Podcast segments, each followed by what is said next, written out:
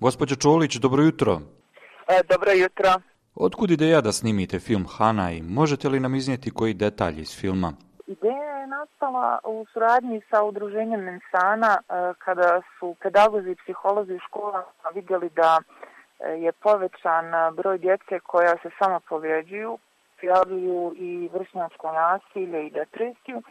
I onda smo nekako gledali koja bi to forma bila umjetnička najbolja koja bi E, nekako najbolje prikazala sve probleme kroz koje mladi prolaze i dala određena rješenja, ponudila određene forme koje bi, kroz koje bi mladi mogli da ovaj, nekako realiziraju sami se, da pomognu sami sebi.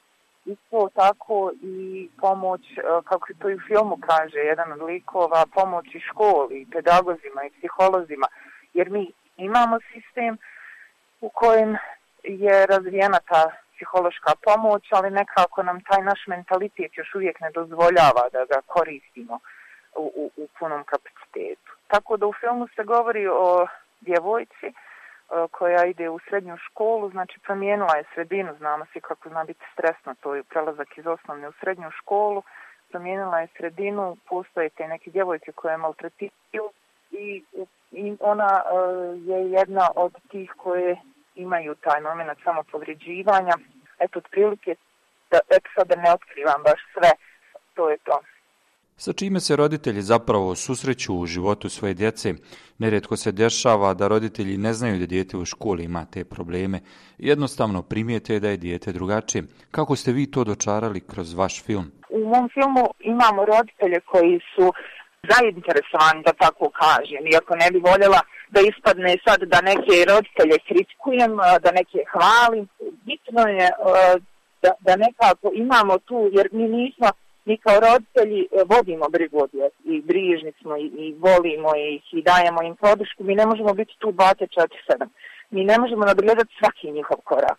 Ali ono što je bitno da od najranije dobi, i to ja i, i, i ovaj, ističem, da razvijemo taj odnos u kojem e, su oni sigurni da nam se mogu otvoriti, da nam se mogu požaliti, da nam mogu reći sve što ih tišti, da imaju tu neku sigurnost da ćemo im i mi pomoći ili ako već mi ne možemo da im pomognemo, ne znamo kako ćemo, kome se obratiti za pomoć. Koliko se u našem društvu priča o nasilju nad djecom, maloljetničkoj delikvenciji, koliko umjetnosti ovakvi filmovi mogu pomoći da se o tim problemima više priča u javnosti? Film je odlično oruđe, da ga tako nazovem, koliko ga to nepopularno zvučalo, za prenošenje svih emocija i tačke gledišta koje mi imamo. Nažalost, kod nas snimanje filmova je više neki incident nego što je to neka praksa.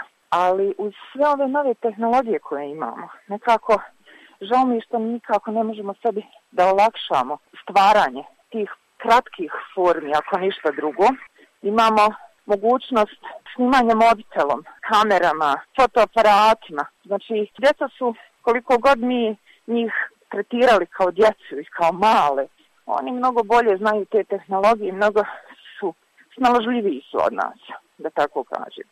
I film kao forma je idealan i za ove teme, za bilo koju drugu temu. Ali nekako je ne znam, u našem društvu postoji taj neki stid koji nas koči da pričamo o ovim temama, da se bavimo problemima. Ja sam čak dobila i povratne informacije gdje su mi ljudi govorili film mi se svidio, sve to dobro, ali nekako ne završavam ga ružičasto. I to je meni bilo onako super, kako koliko god to grozno zvučalo, ali djeci ne možete, ako se bavite nekim ozbiljnim temama i ako ih tretirate kao odrasle, ne možete prikazati da će nešto biti ružičasto ako nije. Jer oni ne vole da im se laže, oni ne vole da im se nešto uljepšava, oni vole da im se otvoreno, jasno kaže. E, I mi smo bili u tim problemima, i mi smo sve to prošli i prevazišli smo to tako i tako. Eto, to su neke stvari ko koje bih voljela da naglasim. Vi se kao aktivistkinja dosta bavite i pravima žena. Prošle godine ste bili i menadžerica projekta Žene u novinarstvu i novinarska solidarnost. Postoji li jednakost između novinarki i novinara i postoji li prije svega ta solidarnost?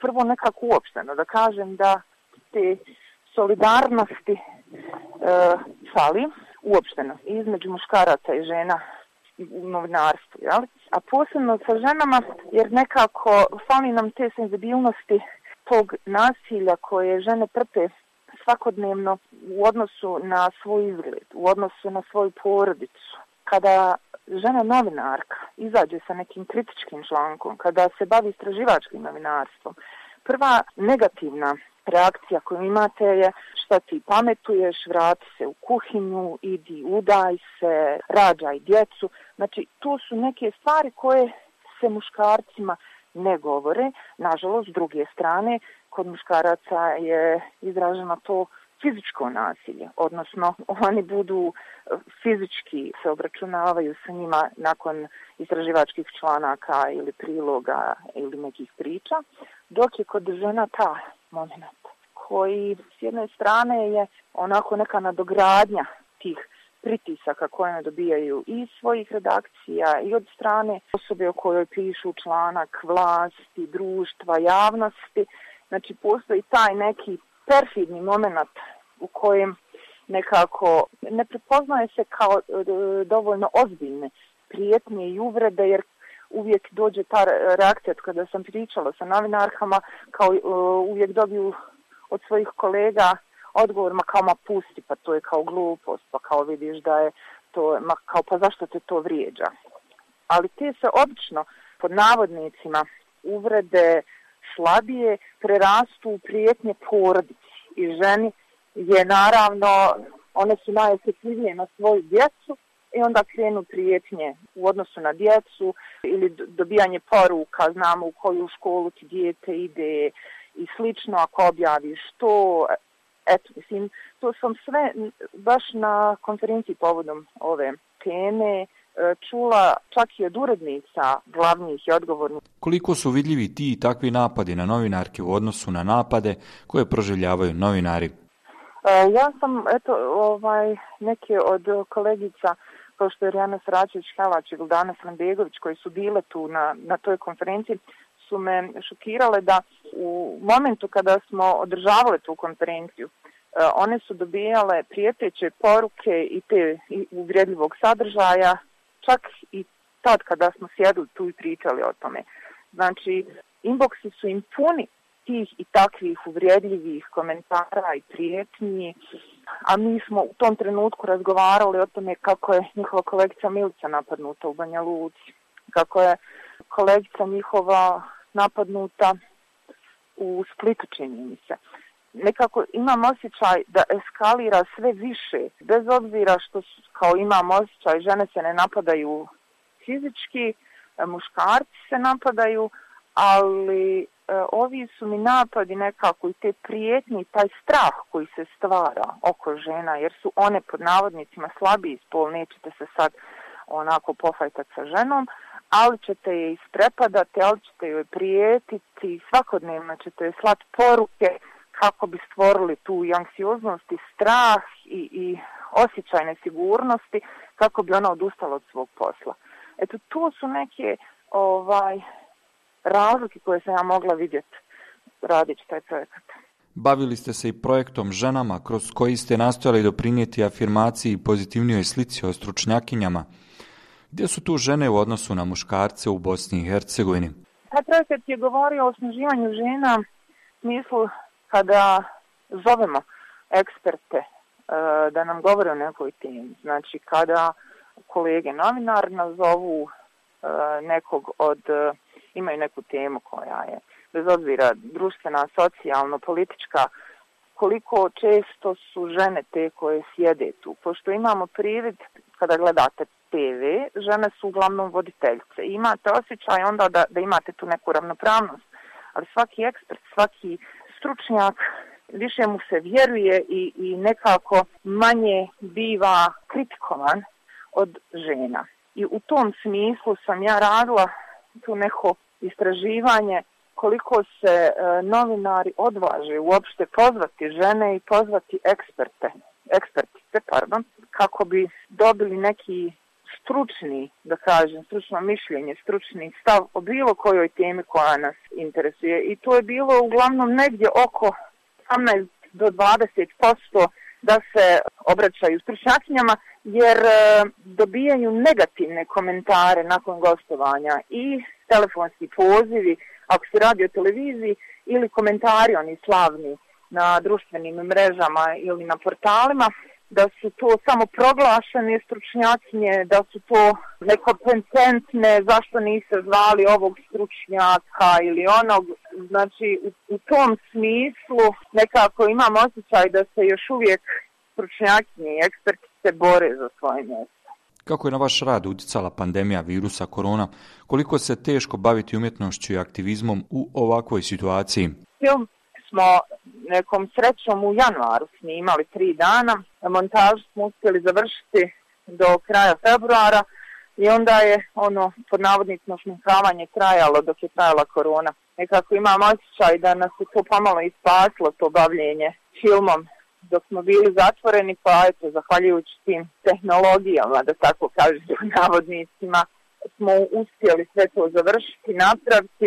Što se tiče i aktivizma i filmova, sve to nekako, čak i ova moja promocija filma je prošla više online i taj aktivizam se nekako prebacio online.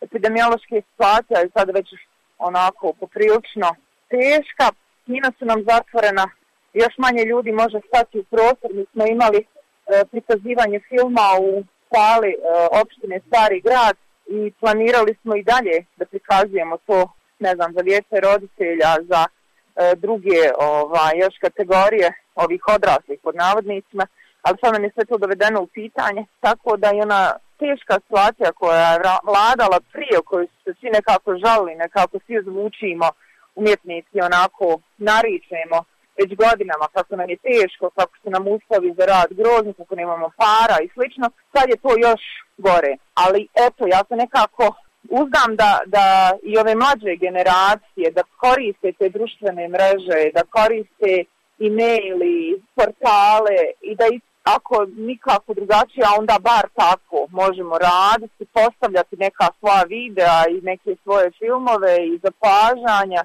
i baviti se aktivizmom na taj način. I za kraj, pripremate li neke nove projekte? Pa evo, ide neki kao nastavak ove Hane, ono kao franšiza Hana 2, e, šalim se. I ide nastavak projekta u smislu da su nam svi feedback koji smo imali, svi ljudi s kojima smo pričali, su rekli da nam je to potrebno i da se moramo malo više pozabaviti tom temom, tako da ćemo je proširiti i dalje ostaje mentalno zdravlje u fokusu. Samo ćemo sada govoriti o, o tome kako ova situacija u kojoj smo se našli utječe i koliko je i ova pandemija u stvari otvorila priču o mentalnom zdravlju i da li je trebalo da se desi pandemija da bi mi ozbiljno shvatili bavljenje mentalnim zdravljem i da bi prevazišli te neke naše barijere u, u mentalitetu, da shvatimo da otići kod pedagoga, psihologa, ne znači da smo mi ludi i ne znači, kako kaže Hana u filmu, ako budem dovoljno puta ponavljala, možda i povjerujem u to. Gospođo Čolić, hvala vam na ovom razgovoru. Hvala vama najljepša na poziv.